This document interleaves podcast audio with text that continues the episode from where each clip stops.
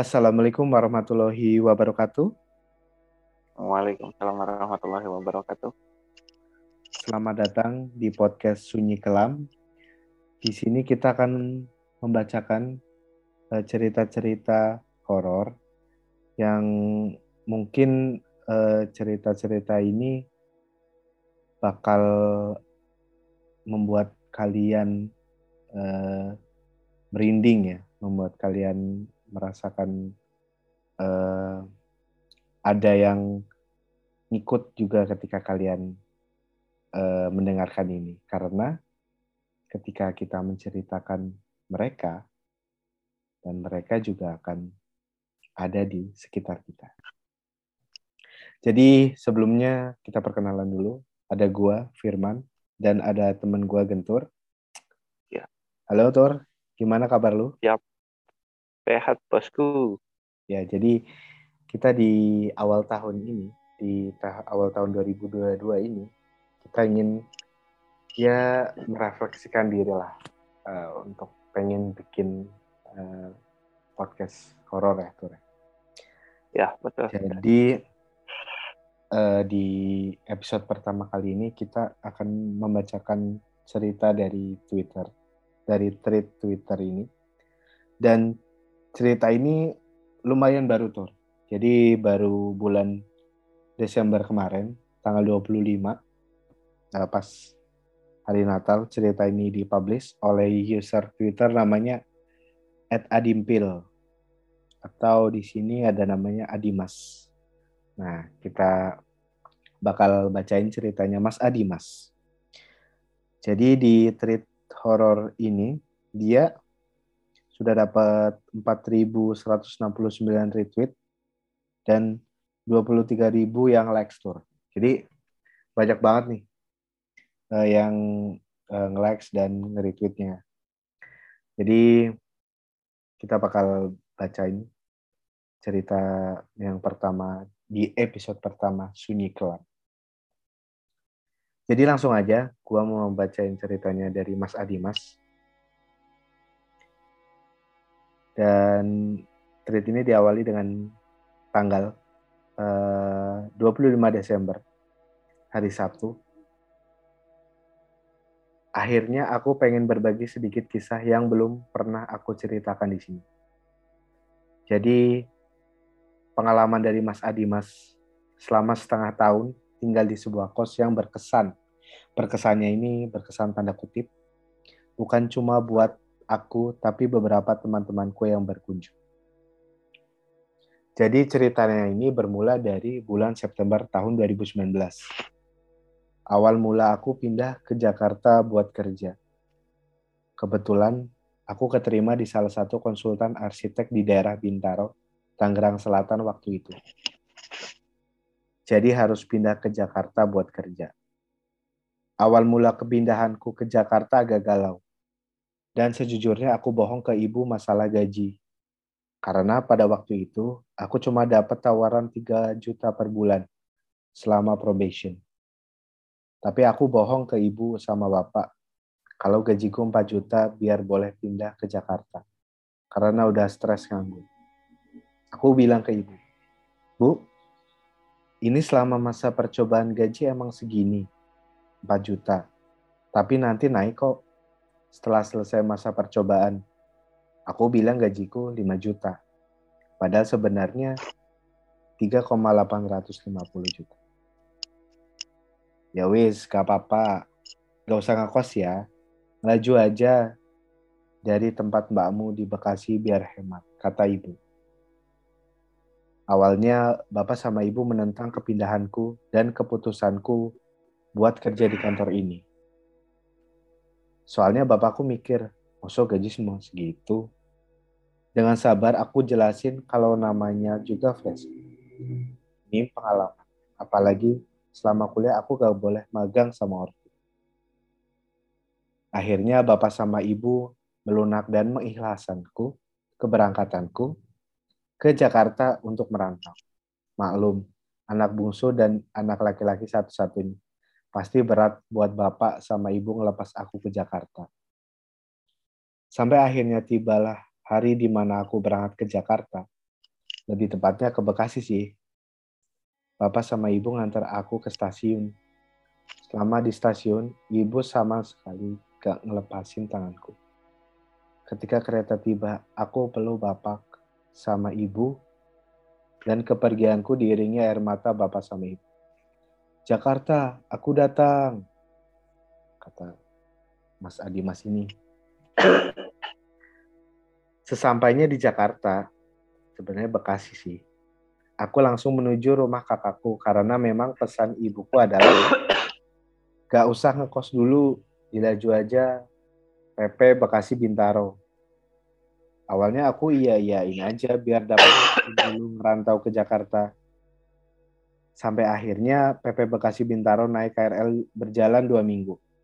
Aku ngerasa capek banget. Bukan kerjanya, tapi di jalannya, KRL-nya. Masuk kantor jam 10. Jam setengah tujuh udah harus berangkat dari rumah kakak. Sampai kantor jam 9 sampai jam 10 pagi. Kadang skip kereta kalau kepenuhan pulang kantor jam 6 atau jam 7 malam. Sampai rumah di Bekasi jam 10 malam, mandi, makan jam setengah 12 atau jam 12 malam tidur. Repeat. Capek. Iya, capek banget.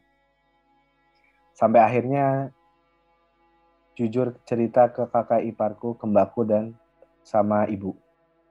Kakak ipar ngomong, ya kamu ngekos sama PP Bekasi Bintaro biayanya sama aja. Mending ngekos, Kenapa nggak ngekos aja? Daripada sakit, malah gak produktif kerja. Alasan logis yang akhirnya aku sampaikan ke ibu. Bu, Mas Rudi bilang, mending ngekos daripada capek. Nanti buat bulan pertama, uang kos dipinjemin dulu. Ya wisle, kalau itu yang terbaik, terus kamu rencana mau cari kos kapan? Paling weekend ini, Bu. Nanti aku minta antar temanku buat nyari kosan akhirnya aku minta tolong temenin uh, Ed Fahrejar, ini temennya Mas Adi Mas, buat nyari kosan daerah Bintaro dan kebetulan dia sekalian nyari kosan. Kami berencana buat ngekos bareng akhirnya. Pesen Bapak cuma satu. Cari kosan yang ada jendela menghadap keluar, ada cahaya matahari, dan kalau bisa ada halaman. Hari pertama nyari udah shock. Ya Allah, kosan di Jakarta mahal-mahal banget ya. Dan yang sesuai kriteria Bapak hampir gak ada. Akhirnya aku sama Reza memutuskan kalau lebih baik sharing, sharing kamar biar harganya lebih affordable. Masalah masalah sharing kamar ini pun aku sembunyiin dari ortuku karena aku gak mau ortuku khawatir sama keuangan anaknya di perantauan. Hari kedua, akhirnya kita masuk ke sebuah kompleks perumahan yang cukup bagus. Dan tanya ke orang di pos satpam di sebuah tikungan jalan. Permisi Bapak, isi numpang tanya Pak. Daerah sini ada kos-kosan untuk karyawan laki-laki gak ya Pak? Loh, ini Mas, rumah ini kosan kok. Silakan aja Mas kalau mau lihat-lihat sama nenek penjaganya di dalam ucap seorang warga sambil menjelaskan dan menunjukkan kami sebuah rumah. Rumah yang ditunjuk sama warga tadi adalah rumah yang cukup luas. Kalau bisa aku perkirakan luasnya mungkin ada 800 sampai 1000 meter persegi. Area rumah ini terbagi menjadi dua bangunan, rumah dan kebun yang di tengah-tengahnya terdapat sebuah bangunan kamar juga. Rimbun, teduh, dingin, dan terasa sedikit aneh Aku dan Reza saling berpandangan. Mau nyoba cek? Tanya Reza. Reza ini temennya Mas Adi Mas ya. Ya udah sok ayo. Gak ada salahnya ngecek. Kalau serak, ntar tinggal nyari lagi kan, jawabku. Kira-kira mirip kayak gini di rumahnya. Wah, eh, ini dikasih fotonya ya mirip-mirip kayak uh, lumayan besar sih kalau gue lihat Permisi. Oh ya om, silakan om.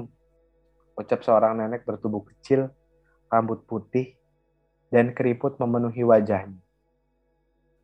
Permisi nek, kami lagi nyari-nyari kosan. Di sini masih ada kamar kosong nggak ya nek? Tanyaku. Oh, masih. Oh, masih. Ini satu rumah kosong semua kok Om kamarnya. Di sini bisa berbuat berdua, Nek, kamarnya. Bisa Om, bisa. Tapi kalau mau berdua harus di kamar di kamar yang besar. Yang kasurnya ada dua. Oh, boleh lihat-lihat ke dalam, Nek. Boleh Om, boleh.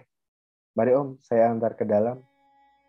Ketika kami melangkahkan kaki ke dalam rumah, sangat terasa rumah dengan vibe 90-an.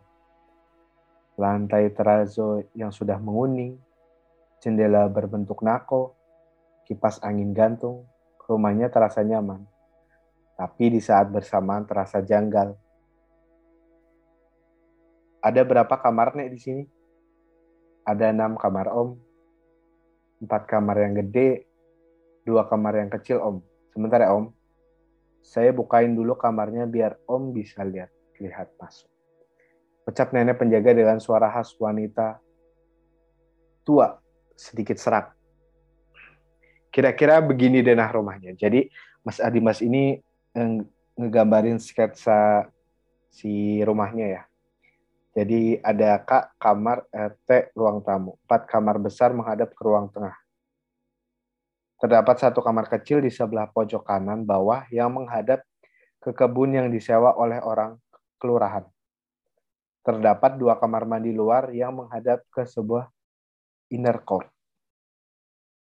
Kamar di sebelah kiri atas adalah kamar penjaga suami istri yang menghadap ke sebuah lorong di samping rumah.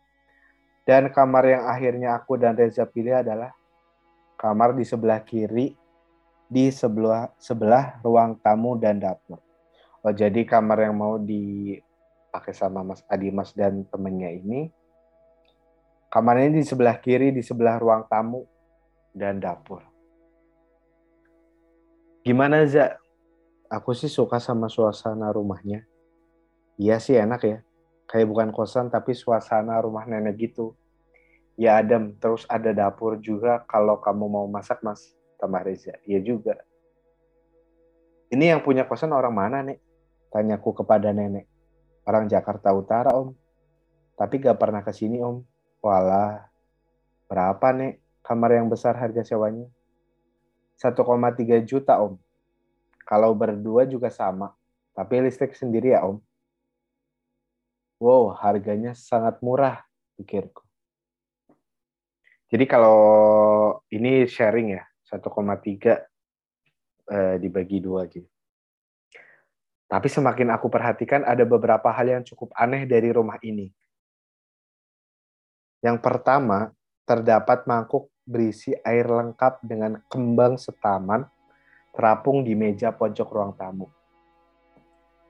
Terus yang kedua, terdapat kaligrafi di dinding ruang tamu. Dan yang ketiga, banyak sekali lukisan-lukisan tergantung.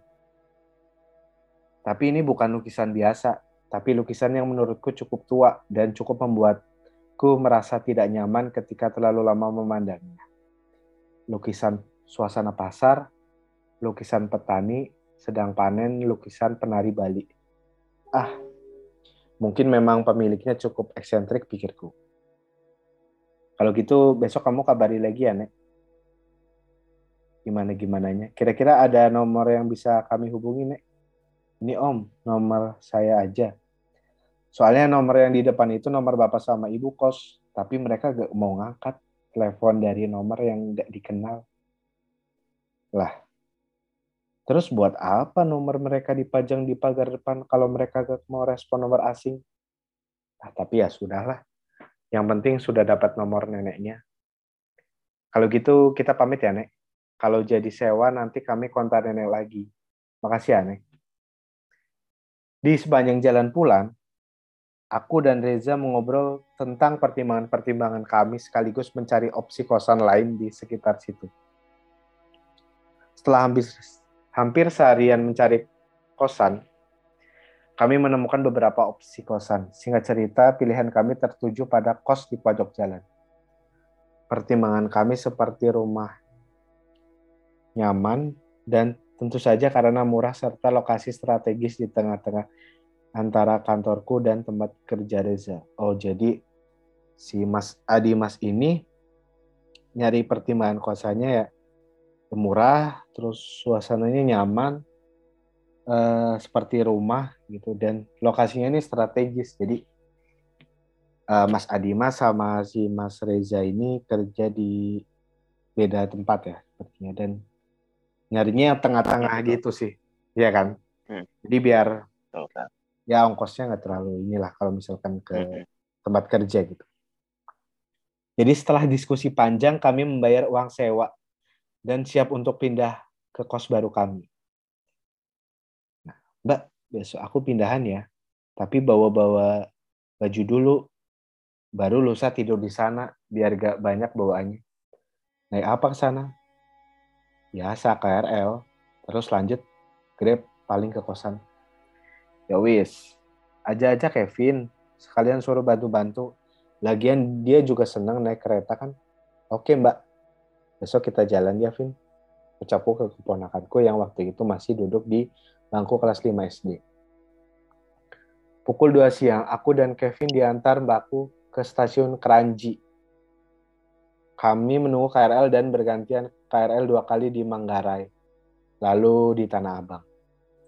Sesampainya di stasiun Pondok Keranji, aku memesan Grab car untuk ke kosan. Waktu sudah menunjukkan pukul 4 sore saat itu.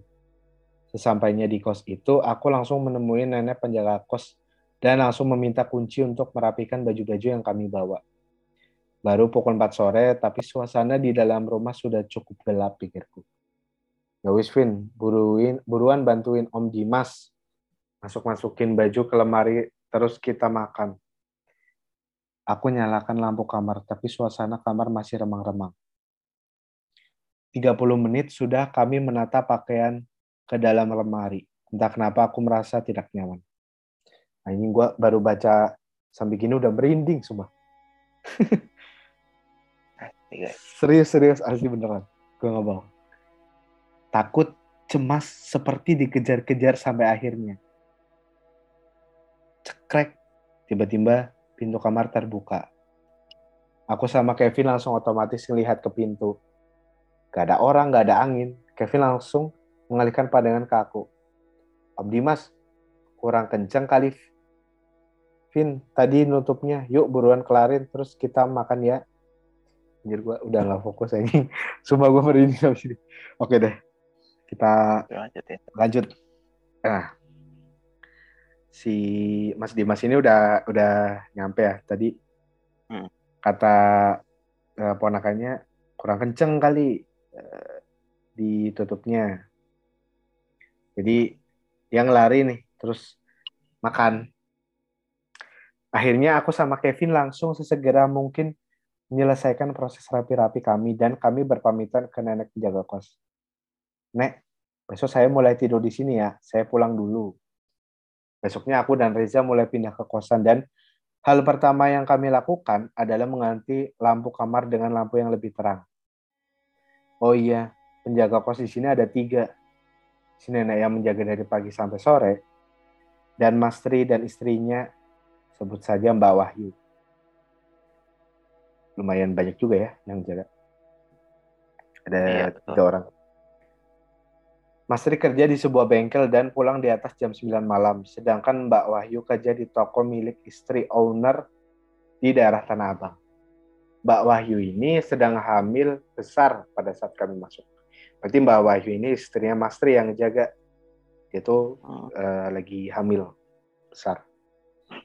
Jam kerja kantorku adalah jam 10 pagi sampai jam 7 malam. Kalau nggak lembur, tapi kalau lembur bisa sampai jam 1 pagi. Wah. Sedangkan Reza kerja di rumah sakit. Sehingga jam kerja dia tergantung shift. Saat Reza masuk jadwal siang dan pulang jam 10, aku pulang jam 7 dan hanya berdua saja dengan Mbak Wahyu di rumah sebesar 500 meter persegi beserta kebun 500 meter persegi dan suara soang dari kebun.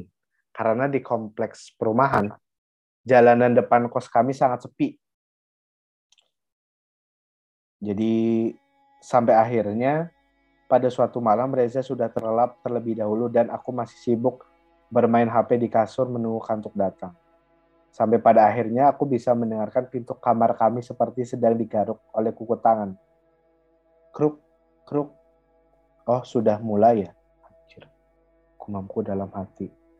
Ya, bukannya tidak menaruh rasa curiga, tapi sedari awal, aku memang sudah mempersiapkan diri karena lebih baik. Prepare for the worst, bukan? Suara garukan di, di pintu kamar itu selalu kudengar setiap malam setelah Reza terlelap. Di saat menunggu Reza pulang kerja saat shift malam, aku masih berani berkeliaran di ruang tengah dan dapur. Karena memang di pikiranku ada Mbak Wahyu yang menemani. Ya meskipun di kamar yang menghadap luar. Tapi setidaknya ada dua manusia di rumah ini pikirku. Sampai akhirnya, Mas, saya mau pamit ya. Saya mulai Desember nanti gak di sini lagi. Soalnya saya mau melahirkan di kampung, Mas ucap Mbak Wahyu kepada di, kepada aku di ruang tengah. Oh, oke okay, Mbak. Terus kapan Mbak rencana balik lagi? Enggak Mas, saya gak balik lagi. Saya mau di kampung aja ngurus anak. Kasihan anak saya tinggal. Walah, ya wis Mbak. Tapi Mas Tri masih di sini Mbak. Iya Mas, masih kok. Mas Tri masih di sini. Ya sudah Mbak, semoga lahirannya lancar, anaknya sehat ya Mbak. Iya mas, makasih banyak ya mas. Waktu berlalu sampai akhirnya Mbak Wahyu benar-benar meninggalkan Jakarta untuk melahirkan dan merawat anak-anaknya di kampung halaman. Malam pertama tanpa Mbak Wahyu. Malam itu aku sudah pulang dari kantor jam 6 maghrib. Sesampainya di kos, kosan dalam gelap gulit, dalam keadaan gelap gulita. Ternyata Mas Tri belum pulang dan nenek lupa menyalakan lampu rumah. Dengan sedikit bergidik, Aku mencoba menyalakan lampu depan. Kubuka kaca nako untuk meraih kunci depan, lalu lanjut dengan menyalakan lampu dalam. Setelah lampu nyala, tiba-tiba perasaanku tidak enak. Seperti ada yang sudah menungguku pulang. Mencoba tenang, aku segera berjalan cepat ke pintu kamar dan masuk kamar. Ja, pulang jam berapa? Aku kirim pesan WA ke Reza. Jam 10 mas, kenapa? ya udah deh aku makan malamnya nunggu kamu aja aku gak berani keluar kamar loh kenapa mas mas Tri belum pulang ya iya belum. Aku sendirian di kosan. Jam menunjukkan uh, setengah sepuluh. Asam lambungku mulai naik perutku mulai perih. Zak kita punya makanan apa ya di kulkas? Asam lambungku naik. Ada otak-otak mas. Goreng aja buat ganjal dulu. Dilema adalah kondisi yang tepat menggambarkan suasanaku pada saat itu. Aku lapar, perutku perih, tapi aku tidak berani membuka pintu kamar karena entah kenapa aku merasa sudah ditunggu seseorang. Atau mungkin sesuatu di luar kamar. Setan lah sama apa pun yang menungguku, aku lapar. Jadi, ya, kalau lapar ya apa aja lah. Penting bisa makan. Gitu ya. Segera aku keluar kamar dan menuju dapur. Dapur kos tidak memiliki daun pintu dan posisi pintu tepat di samping kanan sedikit di belakang pada saat aku menggoreng tak-otak. Dari sudut mataku, secara samar aku masih bisa melihat ruang tengah. Ayo dong, buruan mateng. Kakiku menggigil seperti siap menghadapi sesuatu. Dari sudut mataku tiba-tiba aku melihat bayangan putih. Anjir, melompat-lompat di, di sekeliling meja makan ruang tengah. Wah gila kan. Melompat-lompat di sekeliling meja makan ruang tengah. Ya Allah, ini otak-otak masih lama ya, kumamku dalam hati. Karena penasaran, ku coba menengok ke arah ruang tengah. Ternyata kosong. Aku kembali menggoreng, tapi kemudian di sudut mata bisa kulihat sesuatu melompat-lompat di ruang tengah. Please, please. Jangan makhluk yang itu, please. Aku coba kembali menengok ke ruang tengah. Lagi-lagi kosong. Kembali aku memalingkan pandanganku dari ruang tengah dan fokus mengoreng otak-otak karena perutku semakin perih. Tanganku gemetar, lututku lemas, aku tidak bisa membedakan lagi karena lapar atau karena takut. Kembali dari sudut mataku, aku bisa melihat kali ini bukan sesuatu lagi, kali ini lebih jelas. Iya, itu pocong. Sedang melompat mengelilingi meja tengah. Kain kafan kusam Getaran loncatan di lantai bisa kurasakan dan suasana mendadak dingin tak karuan anjing, anjing. Ini ada gambarnya tuh. Bangsat. Gua kaget banget anjir. Duh, gila men. Gila gua kaget banget anjir. Hah, oke deh. Tidak lupa aku mengunci kamar dan segera menenangkan diri. Pocong. Yang muncul duluan pocong. Gumamku dalam hati. Setelah sedikit tenang, aku makan otak-otak sembari menunggu Reza pulang. Setiap suara yang ku dengar malam itu menjadi sebuah rasa ancaman. Sampai akhirnya ku dengar pintu depan dibuka. Ada suara langkah kaki mendekati kamar. Pintu kamar tiba-tiba dibuka tapi tidak bisa karena aku kunci. Mas, mas, kamu tidur ya? Kenapa dikunci? Alhamdulillah ya Allah. Reza pulang. Segera aku turun dari kasur dan membuka pintu. Kenapa dikunci mas pintunya tuh? Gak apa-apa Zat. Dah masuk kamar dulu nanti aku ceritain. Aku menceritakan semua kejadian yang terjadi ke Reza. Hah? Beneran mas? Tuh kan, dari awal aku ngerasa aneh sama kosan. Ya aku juga sama, tapi ya gimana? Ini yang paling enak sama murah kosannya dibanding yang lain-lain. Yang lainnya gak masuk budget. Ya udah, semoga nanti segera ada orang lain ya yang pindah ke kosan biar agak rame, kata Reza. Hari-hari berlalu tanpa ada gangguan yang berarti. Gangguan kecil seperti suara pintu kamar yang digaruk, suara soang di jam 1 sampai jam 3 pagi, dan perasaan seakan-akan kami tidak sendiri sudah biasa. Sampai pada suatu malam, Mas, lapar gak? Lapar sih, mau beli apa? Masih ada otak-otak sih di kulkas. Aku goreng deh. Sekalian buat temen kamu lembur. Ya wis. Ini kerjaanku juga bentar lagi kelar sih. Belum ada lima menit Reza keluar kamar, tiba-tiba pintu kamar dibuka dengan tergesa. Dan Reza membanting kamar. Anjir, bikin kaget aja kenapa sih? Cepet amat, mana otak-otaknya? Mas, temenin goreng otak-otak, dapur wangi banget, Mas. Wangi? Wangi otak-otak kali? Bukan, Mas. Wangi bunga, sumpah. Aduh, merinding lagi gue, anjir. Ayo buruan temenin terus cium aja sendiri wanginya. Wanginya, wangi bunganya tuh cuma di pintu dapur. Ya wis, yuk goreng otak-otak tak temenin. Kami pun, kami pun berjalan ke arah dapur. Dan benar saja, Aroma bunga melati, sedap malam, atau mawar tercium di pintu dapur. Dan anehnya, sesaat sebelum dan ses, sesaat sebelum dan sesaat sudah melewati pintu dapur, aroma bunga itu hilang. Iya, Cak. Wangi wangi bunga dah. Buruan goreng terus balik kamar terus kita tidur. Kami pun segera kembali ke kamar dan memutuskan untuk tidak kembali ke dapur malam itu. Suatu hari Reza tiba-tiba mengusulkan untuk mengajak temannya kerja teman-teman kerjanya datang ke kosan untuk masak dan makan bersama. Aku menyetujui saran itu paling tidak suasana kos kami tidak terlalu sepi. Oke, jadi eh, si Mas Reza ini mau ngajak ya teman-teman kerjanya buat makan-makan gitu. Kemudian di hari Sabtu datanglah tiga teman Reza. Risa, Tiara, dan satu lagi aku lupa namanya. Kami masak seblak dan makan bersama sore itu. Wah, pesannya luas ya, enak banget. Ini beneran cuma kalian berdua yang kos di sini, tanya Risa. Iya, kita berdua doang. Sinilah. Sinilah kalian biar pindah, biar rame kosannya. Hahaha. Jadi pengen ngajak gitu, biar rame aja. Tapi agak serem ya, banyak lukisan lukisan terus di depan kamar mandi ada lukisan penari Bali. Serius ya. Ini foto aslinya atau gimana nih? Foto aslinya kayaknya ya. Wah, iya kan. Penari Bali. Penari Bali.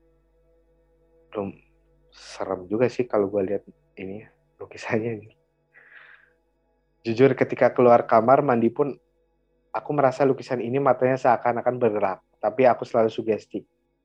Hanya perasaanku saja. Sampai akhirnya, 2 sampai tiga hari setelah kami makan bersama, Reza tiba-tiba WhatsApp aku. Mas, Tiara setelah pulang dari kos kita, katanya rumah tantenya sering bau busuk. Terus kipas angin blower yang gede itu sering jatuh.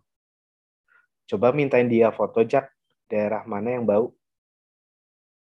Setelah aku menerima foto dari Tiara melalui Reza, Jack, pocong kosan kita ngikut ke Tiara.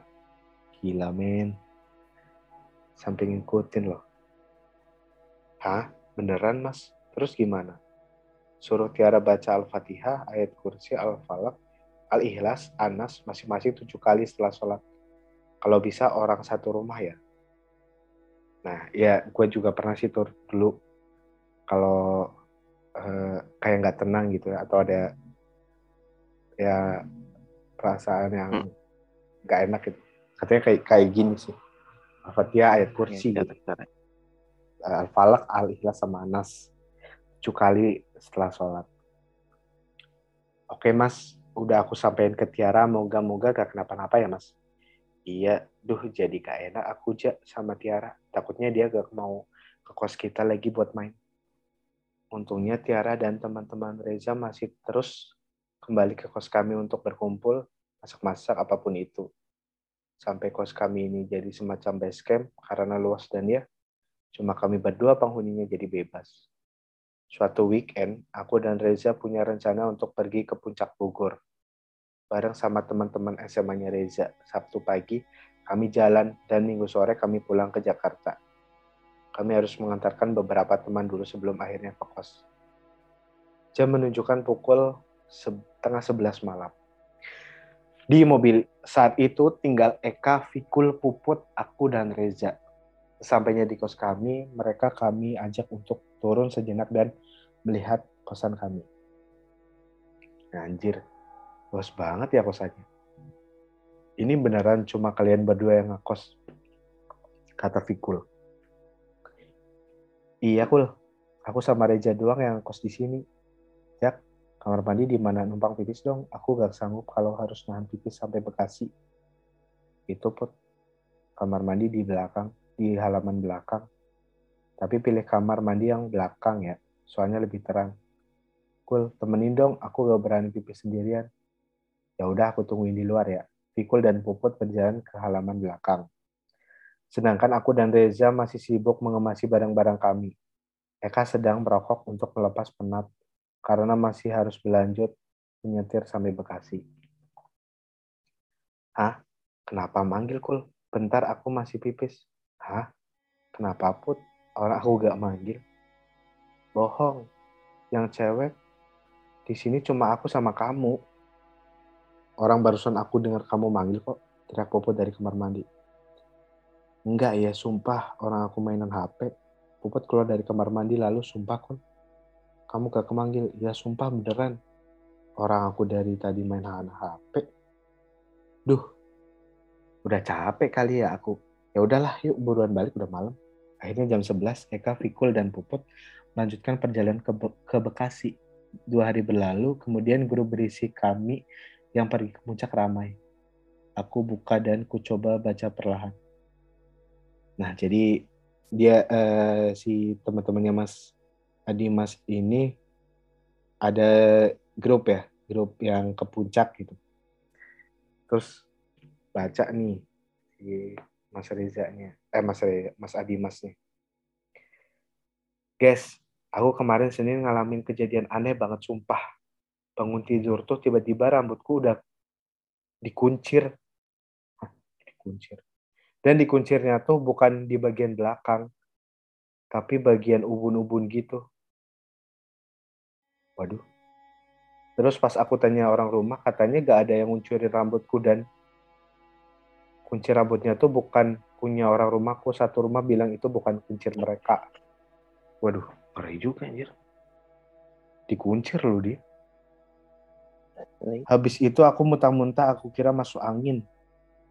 Terus sama papa mamaku aku dibawa ke kiai. Katanya aku ketempelan pocong. Oh, berarti si pocong ini lumayan ini ya lumayan aktif ya ini Hmm. suka gangguin yang udah pada datang ke kosannya si Mas Adi Mas ini. Terus gimana put? Udah kok, udah di ya. Emang kosan kalian ada pocongnya ya, Pil? Iya ada. Yang lihat Mas Dimpil dan beberapa kali teman-temanku main. Dan yang ketempelan juga ngikut ke rumah mereka. Anjir lah. Kenapa gak bilang? Tahu gitu, kita gak mampir.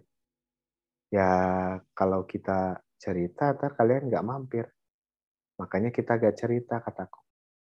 Terus berarti pas aku di kamar mandi, terus ada yang manggil tuh aku gak ngelindur ya. Beneran ada yang manggil berarti ya. Iya mungkin put penunggu yang lain. Terus di momen lain pas aku sedang lembur dan Reza ke ruang tamu untuk video call dengan teman-teman SMA-nya. Sampai tiba-tiba Reza lari ke kamar dan langsung membanting pintu kamar. Kenapa sih? Bikin kaget aja. Tadi ada yang lewat di belakangku pas aku video call rame-rame. Hah? Mas Tri? Tapi aku gak dengar suara langkah kaki sih. Bukan, orang bayangan putih gitu. Anak-anak yang lihat dari layar HP mereka. Lah anjir, kok muncul lagi sih tiba-tiba?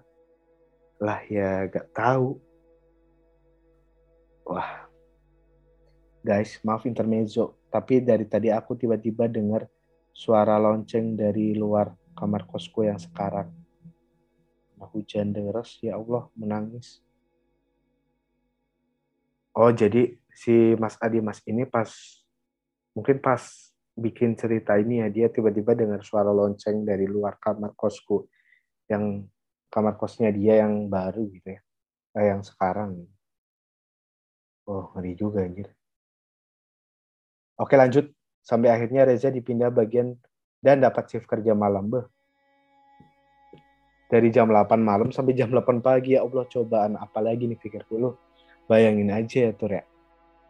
Lu kerja di rumah sakit. Dapat shift malam Tur. Gimana tuh?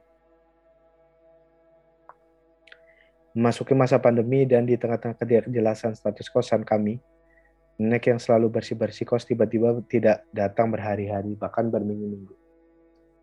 Bahkan Mas Tri tiba-tiba pamit mau pulang kampung karena bengkel tempat dia bekerja libur. Akhirnya, kalau salah satu dari kami gak di kosan, kami benar-benar sendirian di kos. Dan menjelang lebaran, masih masa pandemi, ibuku menyuruh aku untuk pulang ke rumah Bekasi. Dan di sini aku mau minta maaf ke Fahreza, ini ini Mas Reza tadi. Karena sudah meninggalkan dia di kosan itu sendirian. Sampai yang terakhir kali adalah, ya seperti biasa kami mengadakan acara barbecue di kosan kami bersama 12 rekan kerja Reza. Terus, eh katanya kalau main ke kosannya Dimpil sama Reza, bakalan ditempelin pocong ya. Sontak kami semua yang ada di situ langsung mengucap, Astagfirullahaladzim, ngawur banget. Sumpah, Rosma ngomongnya. Ros, sumpah ya, kalau kenapa-kenapa aku gak tanggung jawab, kata Iya, iya, enggak. Semoga kenapa-napa deh. Akhirnya, eh, kami lanjut babakaran dan jam 8 semua teman-teman kami pulang. Besoknya sepulang kerja, Reza langsung cerita, Mas, si Rosmaca tadi siang katanya habis dari kos kita, dia malamnya di mimpi dikejar pocong. Masih mending gak sih? Cuma mimpi, bukan kayak yang lain. Padahal dia sombral banget akhirnya setelah setengah, satu setengah tahun kami memutuskan untuk pindah kos, yang meyakinkan kami untuk pergi dari kos itu adalah aku bertengkar dengan bapak kos karena saya bocor. Terus disuruh nyari tukang sendiri nanti katanya diganti. Eh, begitu aku bilang habis 800 cuma diganti 300 ribu. Dan masih banyak pertanyaan-pertanyaan yang ada di kepala setelah kami meninggalkan kos itu. Untuk apa bunga setaman yang setiap hari diganti di ruang tamu dan di dapur? Untuk apa lukisan yang dipajang dan selalu terasa bergerak seolah memperhatikan kami? Dan untuk apa di tengah-tengah kebun yang tidak pernah dihuni? Untuk apa kamar? Oh, jadi ada kamar di tengah-tengah kebun yang nggak pernah dihuni. Tapi kami memilih tidak ambil pusing. Biarkan itu tetap jadi misteri karena kami ing, tidak ingin mengganggu mereka yang berbagi dengan alam dengan kami. Sekian kisah ini saya akhiri setelah satu tahun lebih kami meninggalkan kos itu baru malam ini saya memutuskan untuk berbagi kisah ini dengan semua teman-teman. Semoga menjadi pembelajaran bahwa kita hidup berbagi alam dengan makhluk-makhluk lain ciptaan Allah. Selamat malam, Adimpil.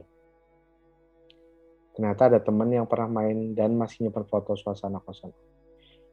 Ini foto penari Bali yang ada di halaman. Oke.